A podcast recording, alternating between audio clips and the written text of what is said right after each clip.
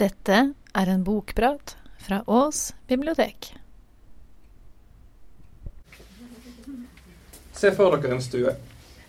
En stue der den eneste lyskilden er peisen, og kanskje noen talglys. Ute er det mørkt og kaldt, vinden uler, kanskje regnet slår hardt mot ruten.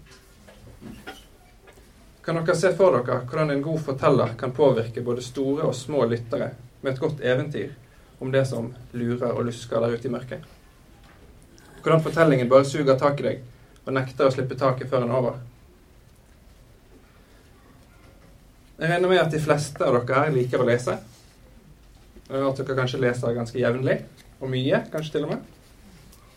Er det noen av dere som får den samme følelsen av å lese en bok? At fortellingen liksom bare suger tak i deg? Det får iallfall jeg når jeg har mine beste leseopplevelser.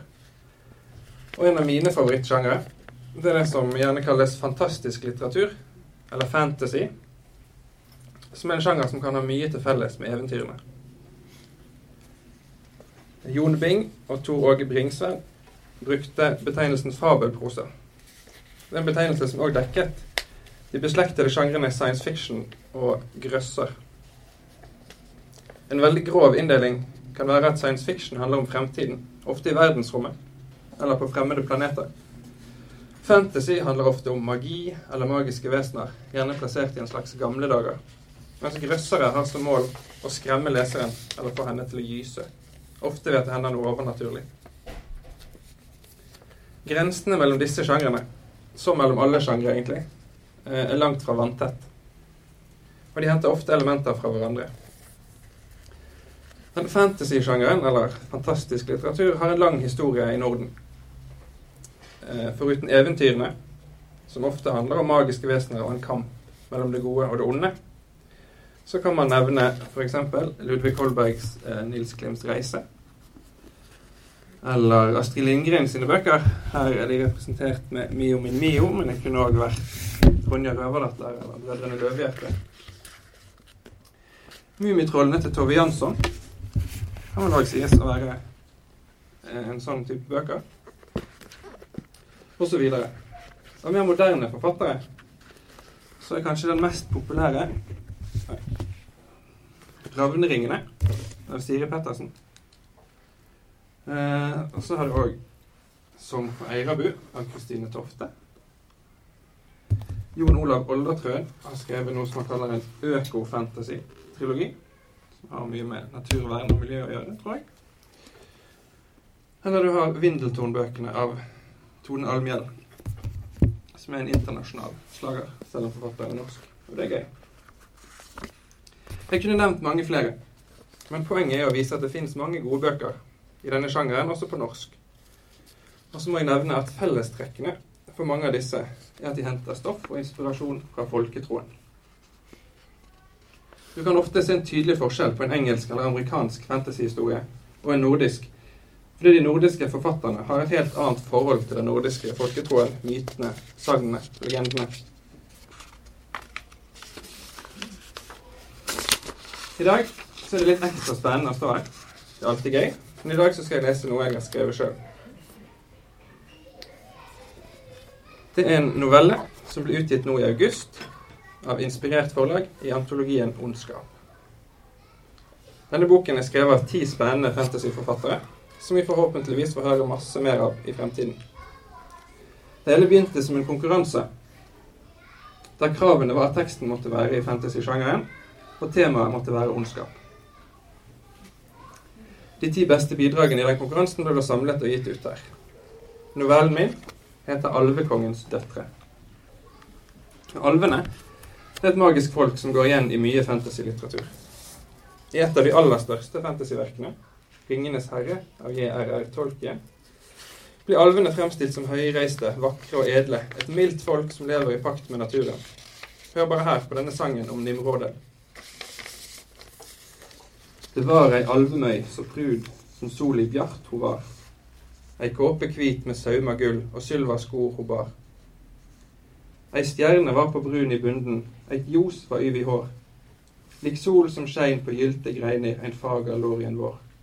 Og håret hekk til jorda ned, og lett ho for i vind. ei kvitleit møy i dansen gikk som lauv og grøne lind. Der vatnet renn i Nimrodell, ved straumen klår og kald, rann henne røyst som sylve flyt og skin i fossefall. Hvor ho flakkar ingen veit, om så i skugg hell ljos, ho villa seg burt i Kviteberg, den vene alvedros. Dette diktet var oversatt av Eilef Groven Myhren.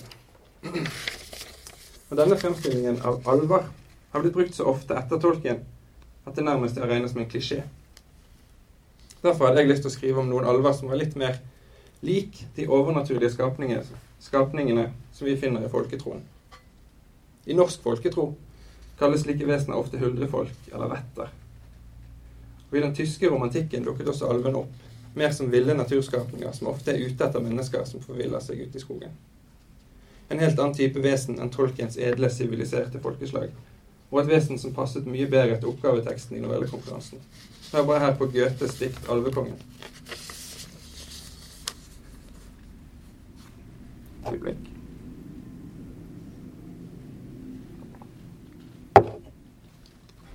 Kven rir her så seint i natt og vind? Det er en fader med sønnen sin. Han har smågutten trygt i sin arm, tek fast i kring han og held han varm. Min sønn, kvi vender du andletet frå? Sjå elvekongen. Og far min, sjå, med slep og krone og gull på han. Min sønn, det er et skoddeband. Du juve barn, vær med meg nå. Rett fagre leikar leikar vi to. Min elve barn er av blomar full, og min mor skal kle deg i kåpe av gull. Å far min, å far min, du høyrer da vel, kva alvekongen meg løgnleg fortel. Vær rolig, du må roa deg nå, det turre løvet rasler i sno. Sei gilde gut om du med meg går, mine døtre, gjev deg hver ting du trår. Mine døtre leiker den leiken i lunden, og vogger og danser og syng deg i blund. Å far min, å far min, du ser da vel der, de alvemøyer i mørke krær.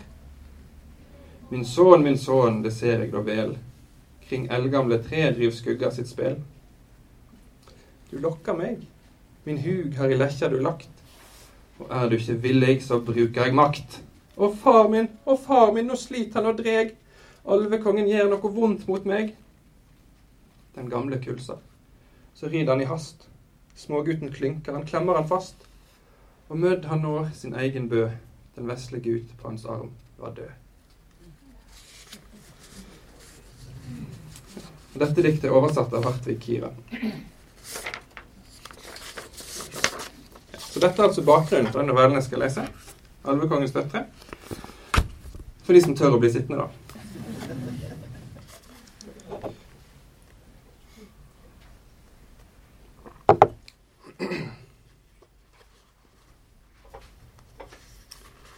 Alvekongens døtre. En novelle av Daniel N. Våglandstad. En så månelys kveld var det lenge siden de hadde hatt. Men en klar, klar himmel betydde også frisk og bitende høstluft. Rosemunde Skjermar brettet opp kragen og trakk den tresnutede hatten godt ned i pannen. Dels for å holde varme, dels for å skjule ansiktet. Ved siden av henne gikk søsteren, Myrtilla, antrukket likedan. De trasket i veikanten for å gi plass til vogner og større reisefølger som kom imot, mens de holdt utkikk etter enslige vandrere de kunne robbe. Det begynte å bli sent, og jo lenger unna byen de kom, desto færre var ute på veien. Etter en stund kom de til stedet der deres forrige landeveisrøveri hadde gått galt. Det luktet fortsatt røyk og svidd treverk av de forkullede restene etter en stor vogn både de døde menneskene og hestene var borte, sikkert slept av gårde av øvrigheten. Alt er din feil, sa Myrtilla og stanset ved åstedet. Hadde ikke du vært så ubrukelig, ville vi aldri blitt sendt ut alene på denne måten. Jeg kunne ikke vite at den gamle damen skulle gå berserk med oljelampen. Du hadde fått beskjed om å passe hestene. Alt gikk bra helt til du prøvde å leke røver. Jeg er en røver, du er en ordentlig fiasko, svarte søsteren og spyttet på Askehaugen. Du er ikke noe bedre selv, sa Rosmunde. Doktor Horkelstekt sa at vi ikke skulle drepe noen, men hvem var det som stakk ned det gamle kreket bakfra? Myrtilla sparket en kullbit inn i skogen. Jeg måtte gjøre noe for å rette opp i kaoset du skapte. Jeg? Den damen var skjør og ville gått til angrep uansett hvem som åpnet døren. Rosmunde hadde allerede forsøkt flere ganger å forklare at det hele bare hadde vært et uhell, men verken Myrtilla eller doktoren ville høre. Det var du som åpnet døren, og du som kastet oljelampen inn i vognen igjen så det tok fyr. For ett døgn siden hadde Rosmunde stått på samme sted og sett på hvordan vognen ble overtent, og hvordan de to eldre herrene som satt inni, hadde fått den til å velte i forsøket på å komme seg ut før det var for sent. Ingen av dem hadde klart det, og alle verdisakene deres hadde gått opp i røyk sammen med dem. Det hadde vært ille nok å høre skrikene fra de stakkars ofrene, men vissheten om at hun hadde spolert et overfall doktoren hadde brukt en måned på å planlegge, var enda verre. Er du klar over hvor mange ensomme reisende vi må rane for å dekke inn det vi tapte i går? Myrtilla begynte å gå igjen. Jeg hater deg, Rosmunde. Kan du ikke sette fyr på deg sjøl neste gang? Myrtilla pleide vanligvis ikke akkurat å være fylt til randen av søskenkjærlighet, men hadde aldri før vært like fiendtlig som nå. Doktor Horkestekt hadde gjort det tindrende klart at de ikke trengte å komme tilbake før de hadde gjort opp for seg og Rosmunde var ganske sikker på at Myrtilla hadde en plan om å ta æren for alt de klarte å stjele. Som vanlig. Rosmunde aktet ikke å la henne slippe unna med noe slikt denne gangen. Hun var glad for at, blitt, for at de hadde blitt sendt ut på egen hånd, så hun fikk sjansen til å vise doktor Horkestekt at hun ikke var noen alminnelig tjuvegipling, men eslet til større ting. Hun hadde vært en del av banden hans i flere år, men fikk aldri være med på noen av de spennende jobbene. Nå var hun lei. Hun skulle vise dem. Både Myrtilla og doktoren. Mest av alt Myrtilla. Som trodde at det å være eldst også gjorde henne større og sterkere, smartere og penere. Etter snart 18 år var det ikke noe Rosmunde ønsket mer enn å tre ut av søsterens skygge. Snart skulle hun bli kjent som Königsbergs skrekk. Bare vent. Det er noen der fremme. Myrtilla gjorde et tegn og forsøkte å ta føringen. Rosmune ignorerte henne og holdt følge med hoggart i den ene hånden og pistol i den andre. De to søstrene snek seg forsiktig langs en sving i skogkanten. Nåde! ropte en mannsstemme. Måneskinn avslørte et halvt dusin skikkelser midt på veien. En av dem satt på kne med hendene foldet foran seg og hulket. Hva i alle dager? Andre røvere for dr. Horkestekts område? Visste de ikke hva han syntes om konkurranse? Så slo det Rosmunde at dette var en bedre mulighet enn hun kunne drømt om. Én ting var å rane stakkars reisende, men å jage bort en rivaliserende bande ville virkelig vise hva han var i stand til. Den gråtende mannen var omringet av en gjeng unge kvinner, mer kledd for ball enn landeveisrøveri, med store kjoler og bredbremmede hatter. De sto rundt offeret med kniver i hendene. Rosmunde gliste. En gjeng pøbler skulle hun greie å hamle opp med. Hun steg opp på veien og trakk pistolhanen tilbake med et høyt klikk. En tilsvarende lyd fortalte at Myrtilla gjorde det samme. De fem overfallskvinnene snudde seg på likt og så på dem. Jaså, sa den største kvinnen med vislende visleneser. Dere er på doktor Horkestekts område. Gi dere én sjanse til å pigge av, sa Rosmunde og viftet med pistolen. Forsvinn. Redd meg, vrælte mannen og så tryglende på Rosmunde. Ventetiden er over. Endelig begynner moroa, søstre, sa den største av overfallskvinnene, for hun grep håret på det gråtende offeret og kjørte kniven gjennom halsen på ham. Rosmunde fyrte av, Navstanden var for stor, så hun bommet. Den minste av stakk tommelen i såret på den døde mannen. Hun trakk hånden til seg og slikket blodet av fingeren mens hun lukket øynene. Hva slags folk var dette? Kannibaler midt i tjukkeste Prøysen. Rosmunde stivnet til, og det gikk en gysning nedover ryggen på henne da den største av kvinnene stakk den blodige kniven i beltet, før hun la munnen inntil det åpne såret og drakk grådig. Rosmunde nølte ikke lenger. Disse bandittene prøvde ikke bare å gå dem i næringen, de var vederstyggelige. Hun var verken særlig religiøs eller full av skrupler, men ett sted gikk grensen. Myrtilla var enig. De vekslet et blikk og nikket til hverandre. Myrtilla skjøt mens Rosmunde med et krigsrop løp mot dem med hoggarten over hodet. Den minste kvinnen, som knapt så ut som mer enn en jentunge, gliste med blod dryppende fra haken. Hun gikk frem med kniven klar, mens resten kranglet om å få drikke den døde mannen tom for blod. Rosmunde gikk løs på henne med voldsomme hogg, men den lille motstanderen parerte elegant alle forsøk på å hogge av hodet av henne. Med et hyl angrep Rosmunde enda villere. Hun hadde forventet å valse over hele gjengen, men i stedet møtte hun en jevnbyrdig slåsskjemp allerede i den minste av dem. Nå kom en av de andre nærmere. Rosmunde lot ikke det stoppe seg, og kastet pistolen hun fremdeles holdt i venstre hånd. Den traff den nyankomne i fjeset så hun hylte og ramlet over ende i grøften. Det ga Rosmunde noen sekunder alene med den minste. Rosmunde gjorde en finte mot hodet hennes, og da motstanderen hevet kniven for å stoppe slaget, hogget Rosmunde i stedet mot beina. Den unge kvinnen danset lett bakover med en trillende latter, og spissen på Rosmundes hoggart suste harmløst gjennom luften noen hårspredder unna. En av de andre kvinnene holdt kniven sin ut foran seg, og avverget Mytillas angrep med presise bevegelser. Rosmunde virvlet hoggarten rundt noen ganger mens hun rygget forsiktig. Det ga henne tid til å studere motstanderne grundigere. Dette var ikke mennesker.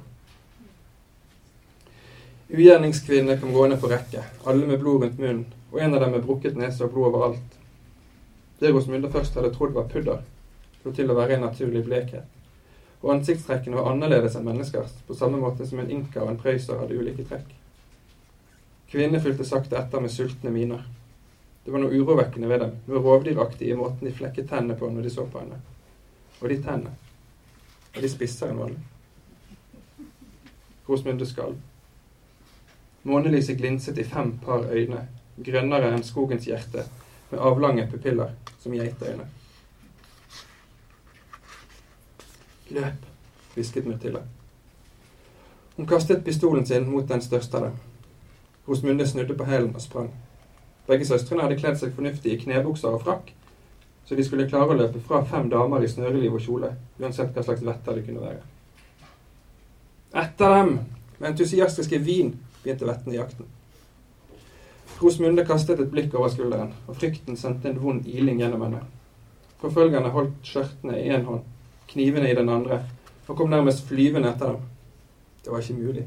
Ingen kunne løpe så fort i kjole. Rosmunde gispet etter luft og satte opp farten.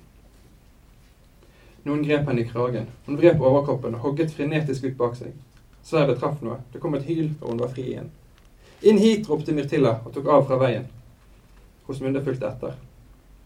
Det var vanskelig å se noe mellom de mørke trærne.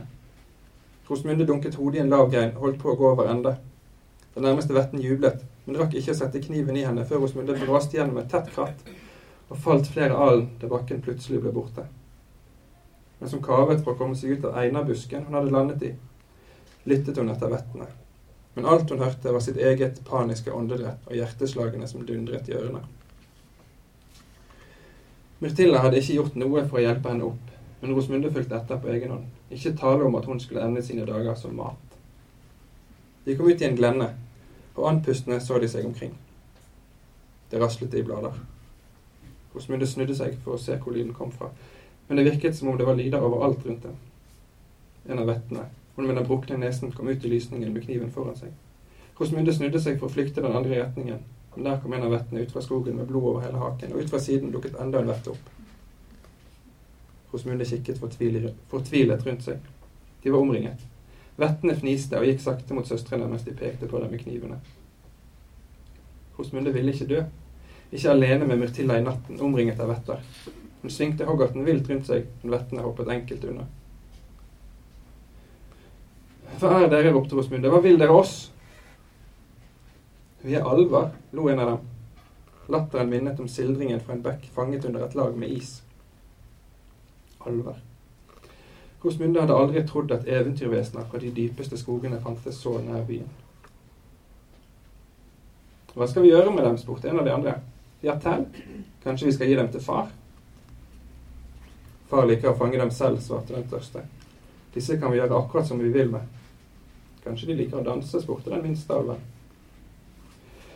Rosmunde holdt på å miste håpet. Det hadde vært en tabbe å løpe bort fra veien. Alva kjente skogen bedre enn noen. Hvis hun bare kunne komme seg til byen, hadde hun en sjanse. Her ute var det nytteløst å gjøre motstand. Det eneste hun kunne oppnå, var å bli stukket ned her, heller enn å bli tatt med inn i alveberget og være et offer for alvenes ondskapsfulle påfunn resten av livet. Hvor lenge det enn måtte vare. Myrtilla snerret og gjorde et utfall med hoggerten. Alvene svinset og snurret og kom seg utenfor rekkevidde. Rosmunde, gjør noe da, ropte hun mens alvene lekte seg med henne. Hva kunne Rosmunde gjøre? De var på alvenes enemerker, og de grufulle smilene mens de enkelt unnvek Bertillas stadig mer desperate angrep, ga henne frysninger. Samtidig var det med en viss skadefryd. Hun så Myrtilla bli så grundig overdamet. Hadde hun ikke selv drømt om å jekke ned den innbilske storesøsteren et hakk eller fem? Helt fra den første gangen Rosmunde var med banden på tokt, hadde Mirtilla gjort alt hun kunne for å overskygge henne. Rosmunde hadde faktisk klart å stjele en kuformet fløtemugg i sølv fra en greves piknikbord den første gangen. Hun fikk aldri levert den til doktoren. Det hadde Mirtilla sørget for. Hun rev den ut av hendene på Rosmunde og viste den frem som om hun selv hadde rappet den.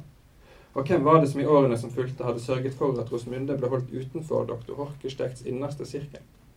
Hvem hadde ledd høyest når Rosmunde feilet, og avfeiet alle hennes triumfer som bagateller? Rosmundes liv ville bli mye bedre om ikke Myrtilla sto i veien. Gjør noe! Myrtilla kom snart til å måtte gi tapt. Det gikk opp for Rosmunde hva hun måtte gjøre for å overleve. Hvis alvene var opptatt med et nytt offer, kunne hun kanskje komme seg unna. Skulle begge dø, eller hadde Rosmunde det som skulle til for å overleve, selv om det krevde det utenkelige av henne? Hun tok et steg frem og hogg søsteren i ryggen.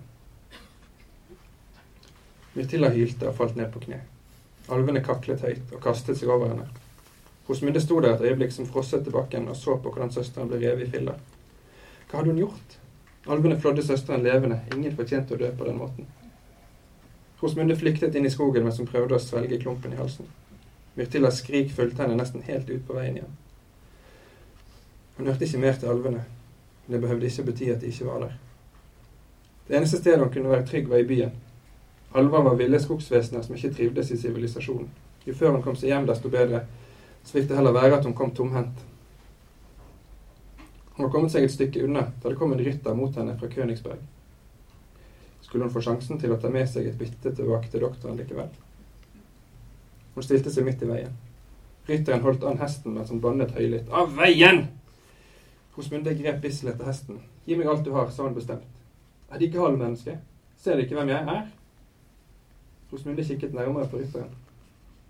Han hadde uniform og en stor saltaske med en inngravert ørn. Våpenskjoldet til kong Fredrik Wilhelm. En budbringer. Kanskje ikke det smarteste å velge dette offeret, men kongelig korrespondanse var litt av en fangst. Jeg trenger hesten også, sa Rosmunde. Aldri! Budbringeren trakk sabelen og sparket med sporene. Hesten steilet og kastet rytteren i bakken. Rosmunde ble nesten truffet av hovene til det opphissede dyret og ble nødt til å slippe tak i seletøyet. Budbringeren holdt på å summe seg, så Rosmunde gikk bort og sparket han hardt i hodet før hun trakket på sverdhånden hans. Gi meg alt, sa jeg. Budbringeren ristet på hodet, og Rosmunde hogg mot ham. Han beskyttet seg med den ledige armen og hylte av smerte da bladet skar seg inntil beinet. Jeg gjør det gjerne igjen, sa hun. Nå hadde hikstet budbringeren. Nå som hun så ham på nært hold, oppdaget hun at han var yngre enn hun hadde trodd. Yngre enn henne. Ta det, alt sammen, ba han. Slipp sverdet.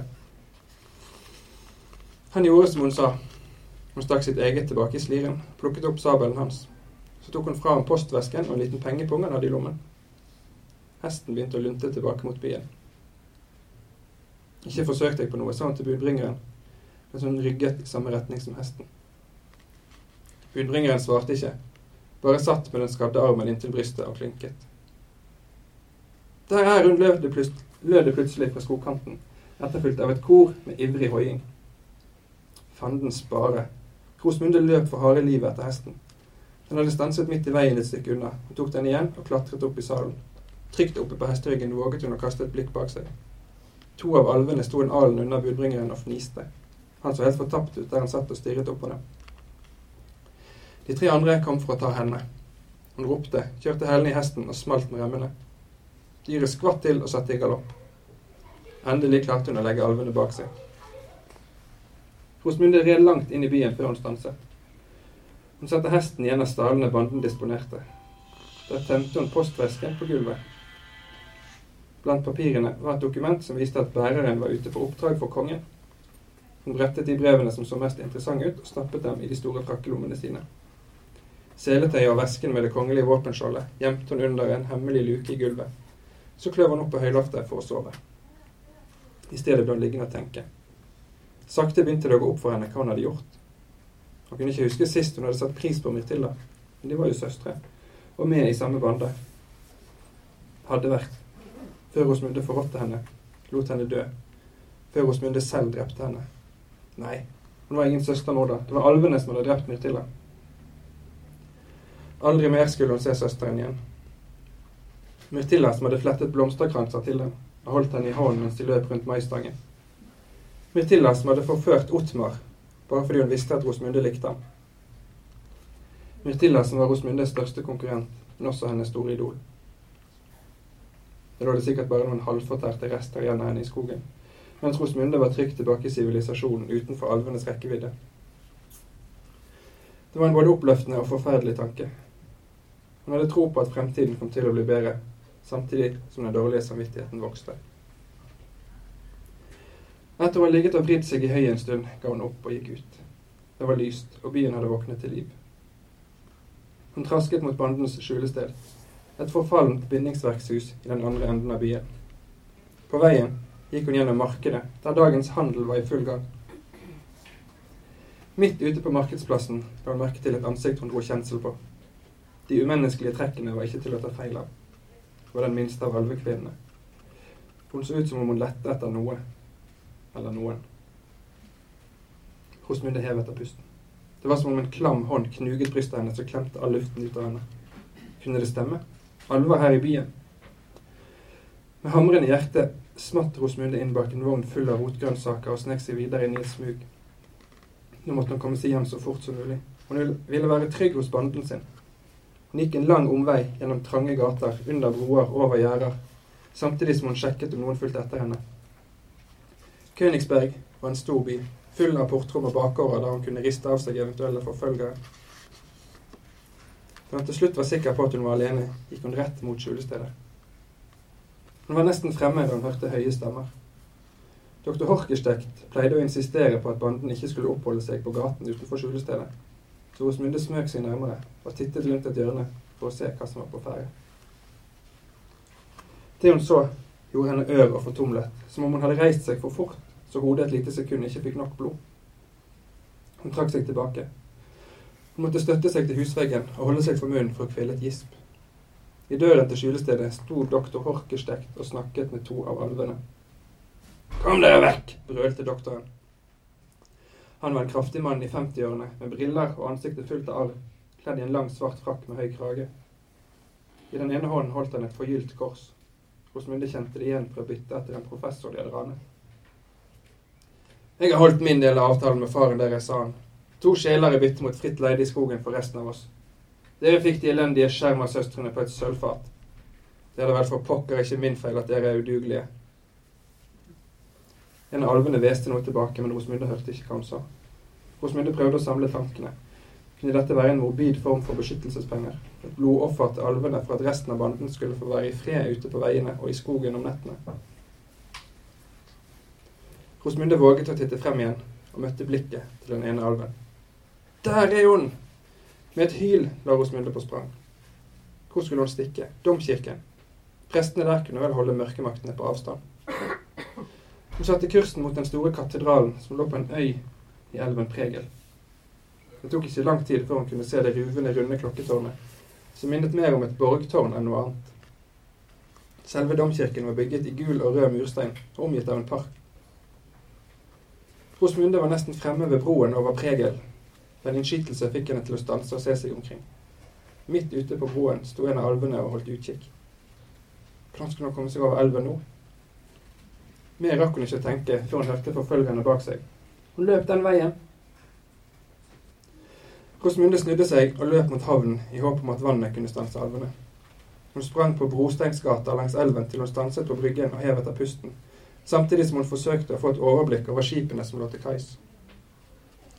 En tomastet brigantin, prinsesse Wilhelmine, holdt på å lette anker og kaste fortøyningene. Ha deg! Noen tok skulderen hennes i et jerngrep. Rosmunde forsøkte å ri seg løs, men alven med brukket nese var urokkelig. Hjelp! ropte Rosmunde. Hun prøver å drepe meg! Et par bryggesjauere slapp det de hadde i hendene, og kom nærmere. Hva er det som foregår her? Alven kikket opp på de to mennene, og Rosmunde grep sjansen. Hun kjørte den ledige albuen i ansiktet på alven og rev seg løs mens alven ulte av smerte. Rosmunde pilte mellom de to staute karene. En av dem prøvde å gripe henne i ermet, men hun vred seg unna og fortsatte mot brigantinen.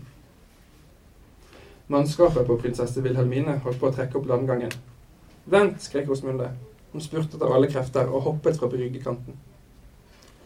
To forfjamsede matroser tok imot henne på dekk. Kapteinen kom til for å finne ut hva oppstyret var. Hun viste ham passerseddelen hun hadde funnet i postvesken. Kapteinen brummet i skjegget og nikket motvillig. Vi har ingen ledige kahytter, sa han. Vi får klare dem med en hengekøye. Det er i orden, peste Rosmunde. Kapteinen nikket og gikk tilbake til roret. Skipet gled sakte bort fra bryggen, der alvene sto med hendene i siden og snakket sint sammen mens de gestikulerte mot prinsesse Wilhelmine. Rosmunde lente seg mot ripen og vinket til dem. Hun var trygg. Østersjøen var stor og full av havnebyer. Burde ikke være noe problem å forsvinne en stund.